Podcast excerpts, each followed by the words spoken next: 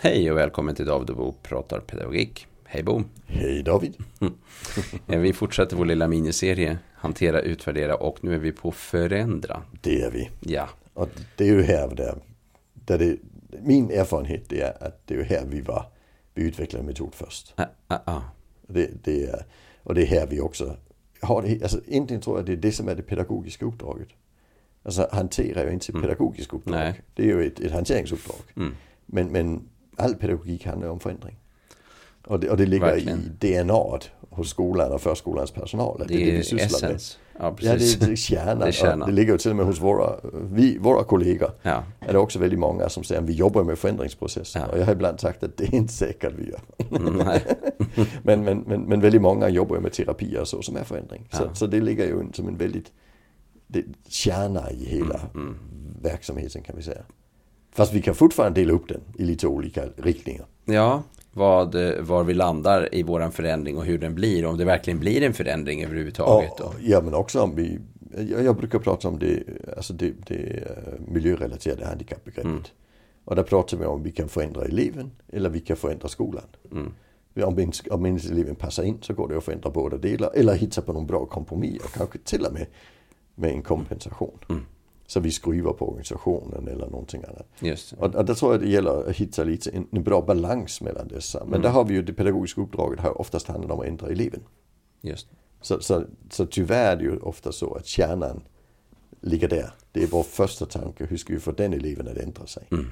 Och det är ju inget problem om det lyckas. Men det är ju problem om vi misslyckas. Just det. Och- Och det är det som många sliter sitt hår kring. Och då ringer telefonen hem hos dig och mig. Mm, ja, verkligen. Kom hit, hjälp oss! Han ändrar sig inte. Nej, Och sen kommer vi ut och så får vi säga, nej det gör han nog inte. nej. Så och så börjar vi hjälpa folk på? att försöka hitta en förändring i, i vad de själva håller på med. Ja. Och jag brukar... Och det är ju väldigt spännande tycker jag. För att jag tycker att det är väldigt ofta eh, Alltså inte så himla sällan är det ganska små saker som faktiskt ibland kan göra jättestor skillnad. Ja. Som inställning till exempel, förståelse. Mm. Eh, och eh, ja, men att man hjälper till i övergången mellan ditt, att man är tydlig med vad som gäller eller att man skapar en tydlig struktur, att man har visat vad, vad som ska hända. Mm. Alltså mycket sådana där saker har, har, har, kan, kan komma väldigt, väldigt Ja. långt. Jag, jag brukar säga att det är vissa verksamheter som är lättare att jobba med förändring i. Och det är Mm. de som har nya elever varje dag. Fast där hittar de inte elever. Nej, Det är till, tänker. Ja men det kan till exempel vara ett härbärge för hemlösa. Det är Ja, olika ja. som kommer varje dag. Just det. Det kan vara ett socialkontor. Mm. Där det är Skatteverkets kontor. Kommer Busschaufförer. nya, ja, Det är ju nya hela tiden. just det. Och då kan vi ju inte förändra på dem. Nej, Alltså min, min fru är barnmorska. På förlossningen kan vi ju inte fostra varenda födande kvinna. mm. För i genomsnitt kommer hon ju bara dit 1,8 gånger eller något Ja. sånt där, eller hur? Så det, det funkar ju liksom inte att, att efter första gången när hon får förändra sig till nästa gång så får vi en Mm. bättre förlossningsvård. Nej, vi måste skapa en förlossningsvård som kan ta hand om det som kommer in. ja. Och därför är det mycket lättare att jobba där. I, till skillnad från i verksamheter där barn är år efter år efter år så att säga. Ja, där vi tror att vi kan Därför skruva då på tänker jag eleverna. att vi ska skriva på eleverna, precis. Och, och det är inte så effektivt. Alltså, det är det ju om vi lyckas. Mm. Men, men det är ju några elever vi Men det är inte då med. folk ringer till oss. Alltså det är också det här att eh, eh, när, när pedagogisk personal eller professionella då eh, sliter sitt hår allra mest. Mm. Det är ju när man har försökt en himla massa på massa olika sätt men inte Ja. lyckats. Och då är det ju ofta att man har försökt eh, prata till rätta kanske eller eh, Världens mest idiotiska metod. tydliggöra, liksom, eh, peka med hela handen, slå handen i borden i nävet och Ja. vara tydlig. Det här med att tala till rätta, det, det är det viktigt att veta. Det finns inget vetenskapligt stöd för att tala till rätta. Nej, det är intressant. In, inte överhuvudtaget. Och det är inte Nej. så att man inte har forskat. Mm, nej. Utan det har inte gått att hitta Nej, och då måste vi skilja på tala till rätta och att prata om hur man skulle kunna tänkas eh, göra och hjälpa till med att hitta strategier inför ett annat tillfälle. Inför Ett samarbetsbaserat Det, det, arbetssätt. det, det är en väldigt annorlunda Ja, sak. En väldigt annorlunda sak. Och där har vi bra evidens. Ja. Alltså för ett samarbetsbaserat arbetssätt. Men det kräver också att barnet vill ha en förändring. Ja. Och, och Och att de vet hur de ska göra. För Ja. ett, ett problem som vi har är ju eh, eh, att eh, i stress Mm. så gör ju saker, då, då, då, då, förlorar ju även välfungerande vuxna många av sina fina utvecklade funktioner. Alltså, ja, ja, ja så, och, men, och, men när det gäller barn så kräver vi ibland att de ska minsann vara sammanhåll. Så vi, eh, så vi kan ju se eh, personal eh, prata om strategier som barn ska använda när de blir arga nästa gång. ja, Eh, och eh, det kan ju funka om de är bra på att upptäcka att nu är jag arg eller om de får en påminnelse om att nu är jag väldigt upprörd över det här men, men, men, eh, eh, och då kunde vi göra på det här sättet. Men om de inte är där, eh, om de inte är i det, alltså jag menar eh, om de har svårt att ta till sig av den här strategin, då, då, då förlor, tappar vi ju även den gången, även då. absolut. Ja. Jag brukar ju diskutera utifrån en verktygslåda-modell. Alltså jag gillar de här handfasta sakerna. Mm. Ja, och förändrings- Bilverkstad och verktygslåda. Ja, och i, i, i förändringspedagogiken, alltså där, där vi jobbar med förändring, där har vi också olika verktyg. Fast det är ju de pedagogiska verktygen i första hand vi brukar tänka på. Eh, och, men om vi, om vi jag, jag brukar jämföra med sån, har du en sån verktygslåda hemma, du vet man öppnar genom att dra isär två handtag på, där uppe. Ja, jag använder den sällan men jag har en sån faktiskt. Ja. Eh, jag tror i den där är det olika fack, har du tänkt på det?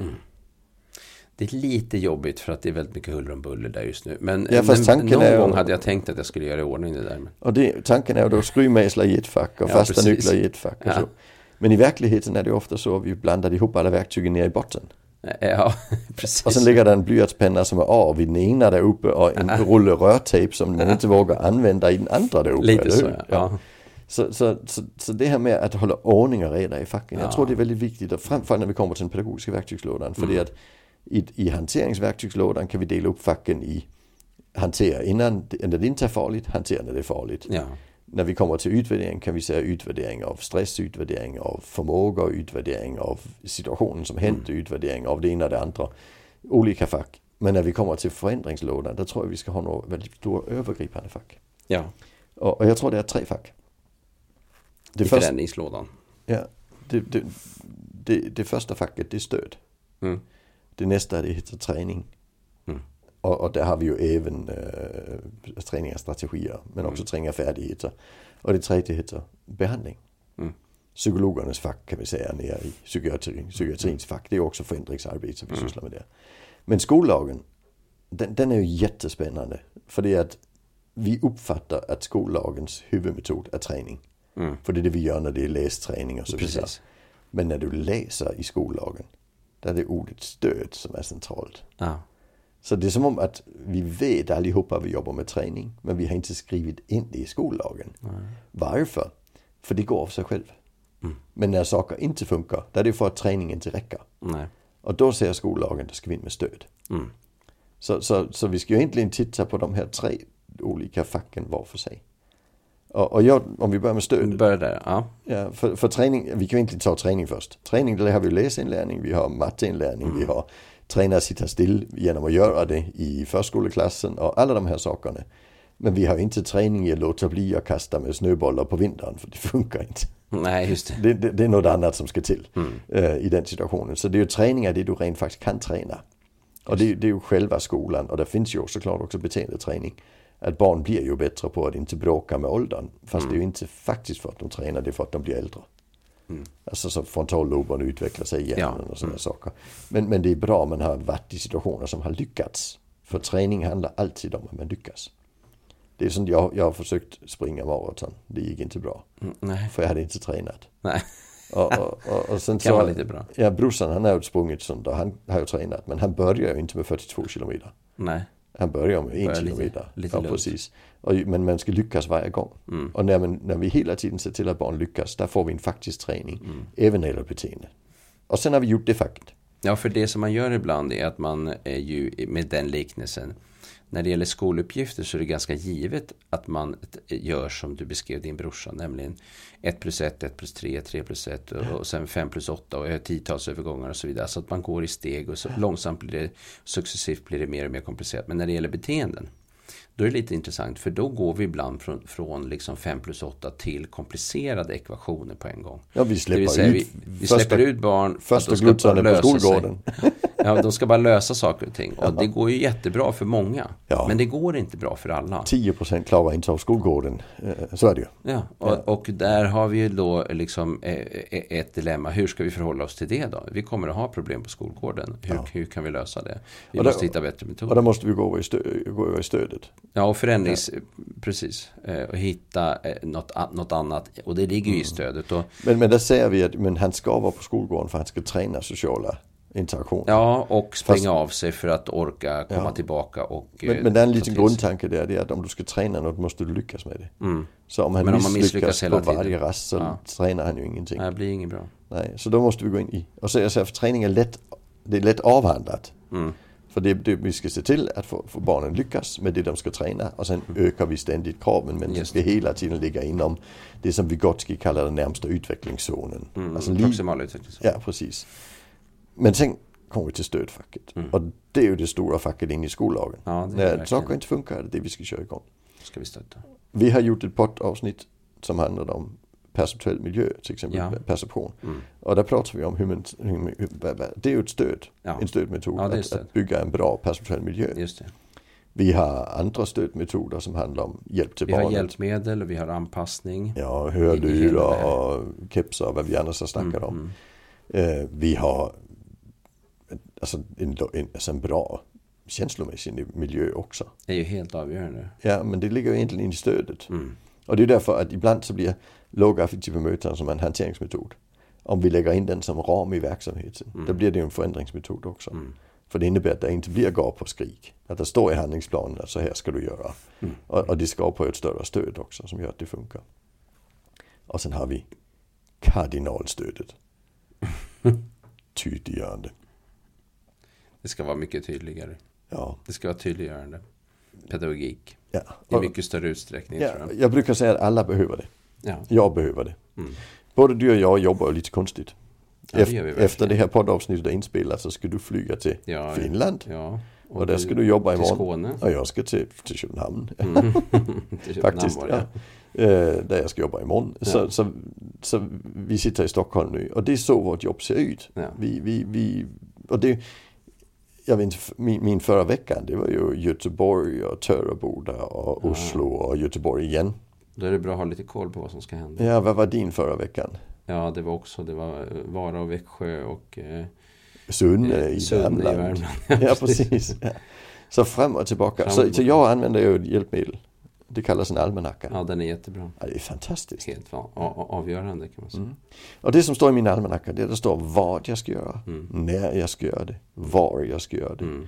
hur jag ska göra det, alltså vad det är Mm. jag ska snacka om eller om Mm. imorgon ska du spela in TV, Mm. det skulle jag igår till exempel. Ja, precis. Det är ju ett hur, eller hur? Hur? Och, och, och, så står det lite med vem ibland Med också. vem står det jag ska Ja. göra det med? Kontaktpersonen. Och sen, sen sedan har vi också Ja, där va- eftersom... vad ska jag göra sen? Och där brukar jag skriva in nästa hotell om jag ska bo på hotell. Ja.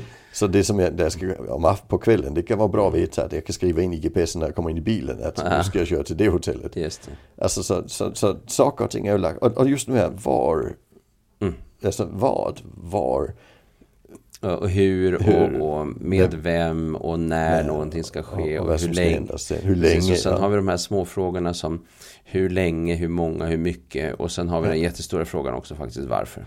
ja fast den brukar jag skippa. Ja men jag tycker att den är intressant ute Ja, för att jag brukar eh, skippa den. Ja men jag, jag var upptäckt nämligen att Ja. det varför, det har jag, jag i min almanacka, det har jag redan gjort det. Ja, men det är det som är grejen. Att eh, Mm. i skolan till exempel så är det inte alltid det där. Utan eh, eleverna eh, önskar i, eh, alltså när jag pratar med pedagogisk personal i skolan så beskriver de att det är fler och fler idag som vill veta varför man ska göra saker och ting. Varför ska vi räkna det här mattetalet? Varför ska vi hålla på med den här uppgiften? Vad är poängen med det här?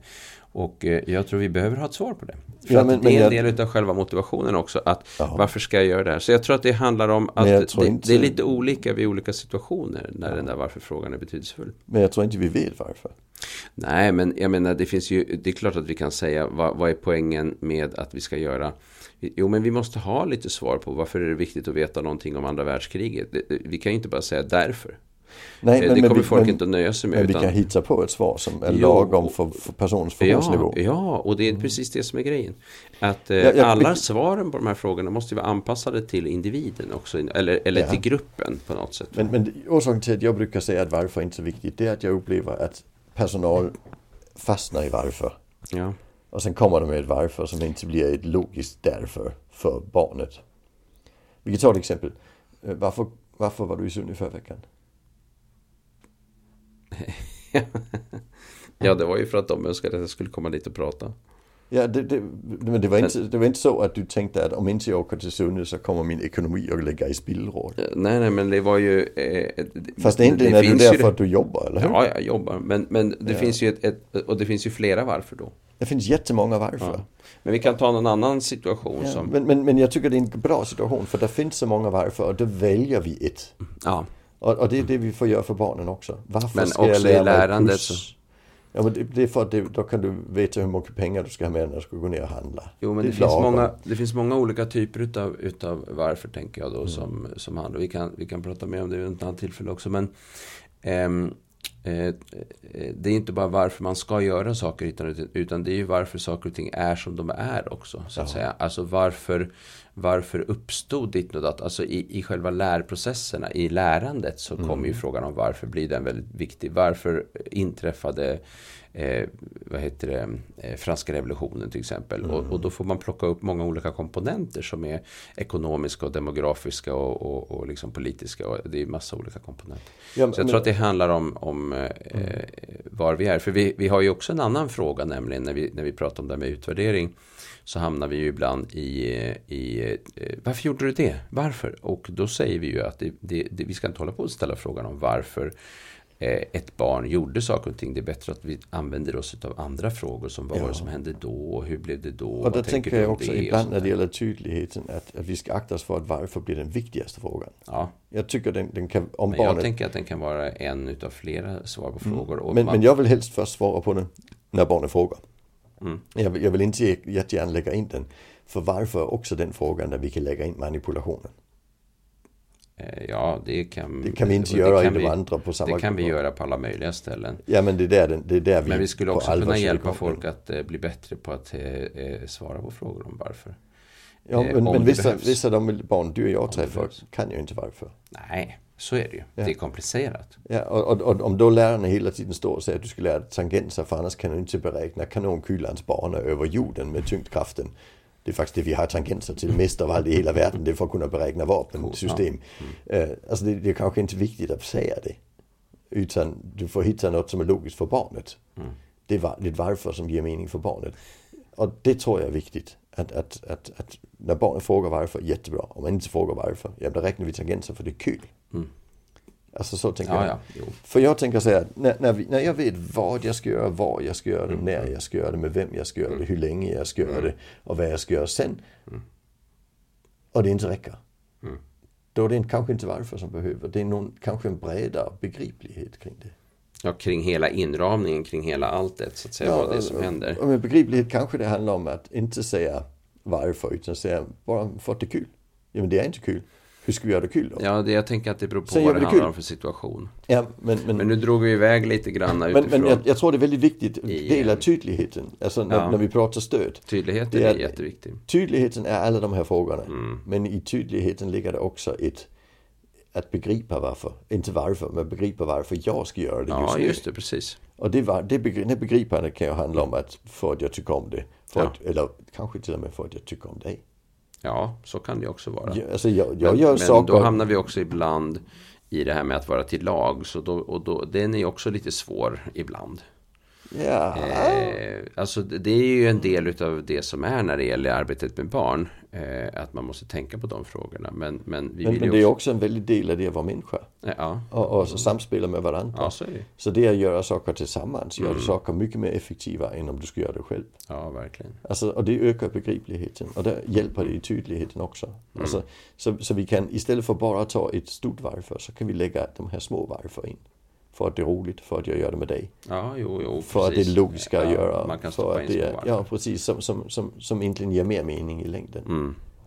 Ja, jag, jag tänker att det, det där behöver man i, i, tänka kring och jobba med på olika sätt. Och, och, och jag tror också att vi behöver flera små varför. Men jag tror också att vi ibland behöver eh, lite mera förståelse varför man ska göra saker och ting. För det är också en del utav man måste sätta in det i ett sammanhang det man håller på med helt enkelt. Ja, anpassat efter vad, mm. barnet ja, kan. Ja, precis. För det beror ju på vad vi pratar om. Ja. Pratar vi om, om generell liksom, skola, förskola, alla barn? Eller pratar vi om eh, varför relaterat till ett enskilt barn som har eh, mm. jätte, jätte tufft på alla områden överhuvudtaget hela dagen. Mm. Så är det lite, lite olika. Och sen, sen är det, det lilla problem man kan hitta i varför också det är att om du ger barnet det verktyget mm så får du den här, nej jag behöver inte lära mig detta, jag ska vara fotbollsspelare. Mm, ja, jo, men det har de, det kan, det kan de redan ha.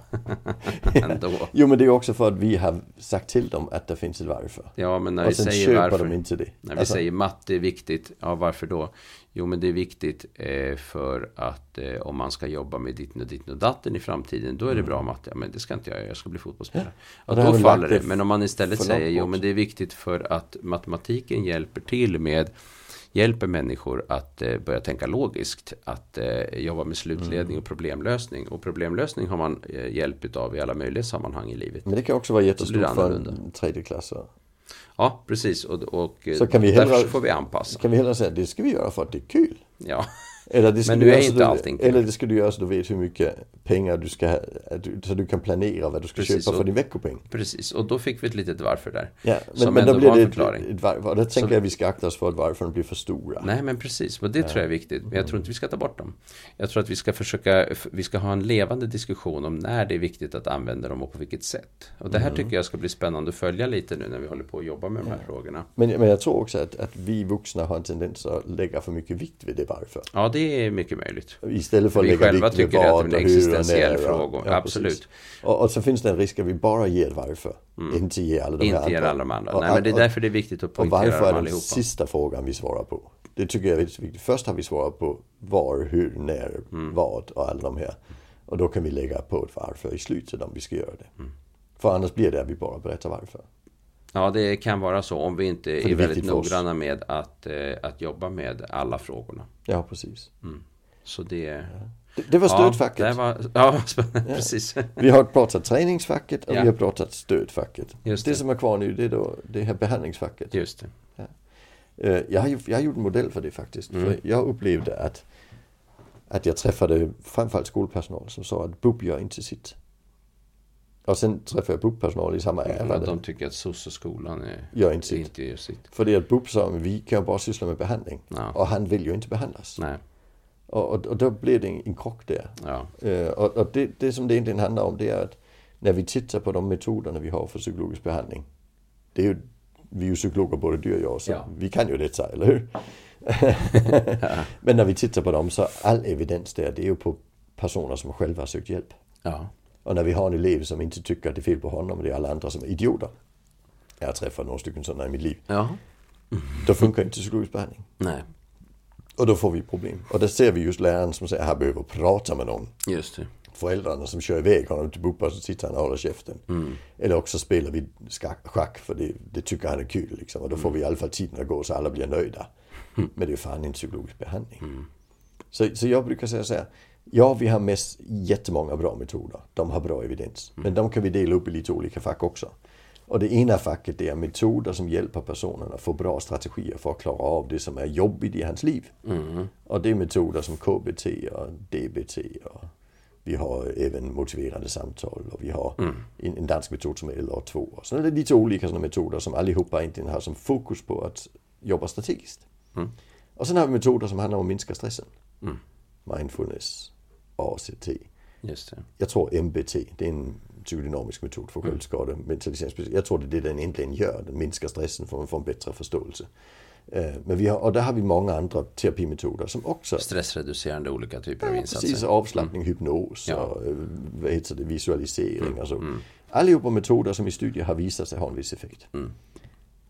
Men alla de metoderna bygger kräver, på att uh, individen själv är involverad. Det är individen själv som ska göra jobbet. Måste göra jobbet. Vi stödjer bara den, den processen. Ja. Liksom. Mm. Och sen kräver det att den individen kan förstå orsak och verkan tillräckligt bra. Mm. Och där står vi oss lätt då om personen i fråga inte själv har motivationen, inte vill, inte förstår varför. Och inte har förmågan. Och inte har förmågan. Mm. Det kan vara begåvningsmässigt, det kan vara förståelsen för orsak och verkan som, ja. är, som oftast är lite dålig vid autism. Och då mm. funkar inte de metoderna. Eh, men sen har vi som tur också en tredje typ av metod. Den faktiskt också har evidens på både självskadebeteende och våld och depression och psykos och allt mm. möjligt. Och det är att minska stressen. Mm. genom att ändra på omgivningen. Just det. Och det gör vi ju genom stöd. Så där är vi tillbaka i stödlådan. Ja. Där har vi tydliggörande och så vidare. Vi har tydligare pedagogik. Vi har lågaffektiv bemötande i vardagen och vi har ja, om, alltså, anpassning av perceptuell miljö och så. Det hjälper ju alltihop på det också. Mm. Och sen har vi hela familjebehandlingskomplexet kan vi kalla det. Systemiska Där man jobbar, ja just det. Där man jobbar med omgivningen. Det systemiska. Just det. Och, och, det är också metoder med bra evidens. Men mm. där jobbar vi inte med barnet själv. Vi jobbar faktiskt Nej, vi med jobbar med omgivningen runt omkring. Så att den blir mer anpassad. Mm.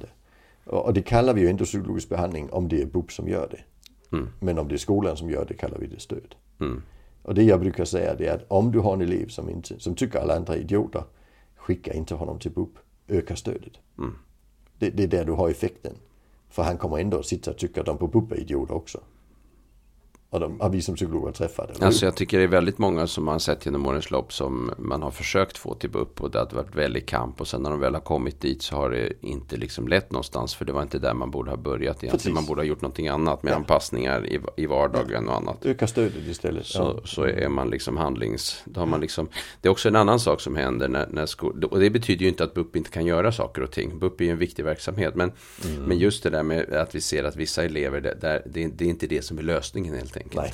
Och BUP är bra när vi, när vi har barn eller ungdomar som söker hjälp själva. Mm. Och som har förmåga och önskan att jobba med sig själv. Mm, mm. Och, och nu, nu, är du inne på behandlingsbiten och ja. inte på utredningsbiten. Nej, men utan, och BUP är bra på utredning. Mm. Alltså ibland är de lite väl diagnosfokuserade för det är det som är deras uppdrag. Mm. Inte så mycket det beskrivande som, mm. som man som psykolog ibland gärna vill ha i alla fall. Men, men det kvittar. Det, det, de är, det är olika, olika verksamheter de också. De är duktiga på sina uppdrag. Mm. Men vi ska akta oss för att tro att de har ett stort eh, uppdrag. När ja. vi har att göra med, med de som själva när barnet självt inte har den här förmågan eller, eller drivet eller, ja. eller ja, alla de här sakerna. Och det tar vi ansvar genom att öka stödet. Mm. Och det, så jag tycker det är därför, alltså, vi pratar om de här tre facken, stöd och träning och behandling. Och behandling mm. Så, så är, skolans och förskolans uppdrag är ju träning och stöd. Mm. Och, och BUPs uppdrag är behandling, men mm. bara när barnet själv söker hjälp. Mm. För då kan det faktiskt vara problem att vi lägger det in i skolan. Ja, om man inte jobbar med systemiska metoder då. Ja, precis. Ja. An, an, men, men annars är det stödet. Vi, ja. vi, mm. det, och det kan vara bra när barnet inte söker hjälp och när vi upplever att vi har en lucka här. Mm. Det, här det, det stödet är inte tillräckligt bra. Nej. Men, men jag tror inte vi ska skicka barn som inte går till skolan till BUP. Jag tror vi ska ändra på skolan. Eh, ja, sen kan det ju vara så på sina håll att vi behöver jobba liksom tillsammans i ja. olika verksamheter. Så ibland kan BUP vara inne. Men då är det ju ofta att om man gör saker och ting som är relaterade till sånt som är problematiskt på hemmaplan till exempel. Eller man jobbar med ett, behandlingsmässigt med något barn som har... Som faktiskt vill, men, vill en förändring och uppleva ja, tvångsproblematik eller, ja, eller mycket precis. ångest eller andra typer av ja. saker som kan finnas mm. relaterat. Men, men då måste man jobba tillsammans, att man jobbar tillsammans flera olika instanser. Men man, man, kan inte dumpa ansvaret på Nej, vi kan inte dumpa ansvaret bara på en verksamhet mm. i så här komplexa frågor. Utan, utan vi, det kommer ju generellt sett att behövas många verksamheter som involveras. Och där är det viktigt att, att eh, eh, verksamheterna söker sig till varandra för att försöka hitta sätt ja. att samarbeta på. Mm. Men jag tänker också att väldigt många av de ärenden jag handledde på på BUP hade vi löst bättre i skolan genom att öka stödet. Mm. För det, jag handledde bara på BUP när inte de har lyckats. Mm. Ja. ja. så, så, så, då har skolan misslyckats och sen har BUP misslyckats. Ja, precis. så det är två instanser som har misslyckats. Och sitter där och tycker alla vuxna är idioter. Ja. Alltså det är ingen som kan det. Och då, då, där, där är skolan det självklara mm. platsen mm. att jobba. För det är där barnet ändå har en, en logisk anknytning till. Ja, det är vardagen. Ja. Och det kan vara familjen också. Och där behöver ju socialtjänsten ja. ibland komma in i bilden. Så att ja, ja. ibland är det det här systemiska men det, men det måste som blir betydelsefullt. Men det måste vi också jobba tillsammans om. Det funkar inte som och skilja på socialtjänsten och skolan helt och hållet där. Nej men precis, man måste jobba tillsammans ja. Eh, där. Och, och, och, där finns det ju väldigt, väldigt mycket att göra. Och socialtjänsten jobbar ju också med stöd. Mm. De jobbar inte så mycket med träning och de jobbar inte med Nej. behandling. Det är, Nej, det är stöd. Det är stöd. Precis som skola. Alltså man kan säga mm. att socialtjänsten är stöden huvudmetoden. För skolan är träning huvudmetoden. Men skollagen pratar mycket mer om stöd. Mm. Alltså, och, faktiskt om träning ibland också. Ja. Men, mm. Så vi har ju Nej, men det, det, det, det är väl det att eh, det är som liksom tre cirklar och de går lite in i varandra. Ja. Så en liten överlappning finns alltid. Ja, så är det. Mm. Ja, vi avrundar där på, på den här sista lilla delen nu. Vi har pratat hantera, utvärdera, förändra. Ja. Eh, och eh, vi återkommer med mera spännande saker. Ja, det finns ju saker att snacka om. Ja. Ja, det är bra. Tack Hej för. Hej. Música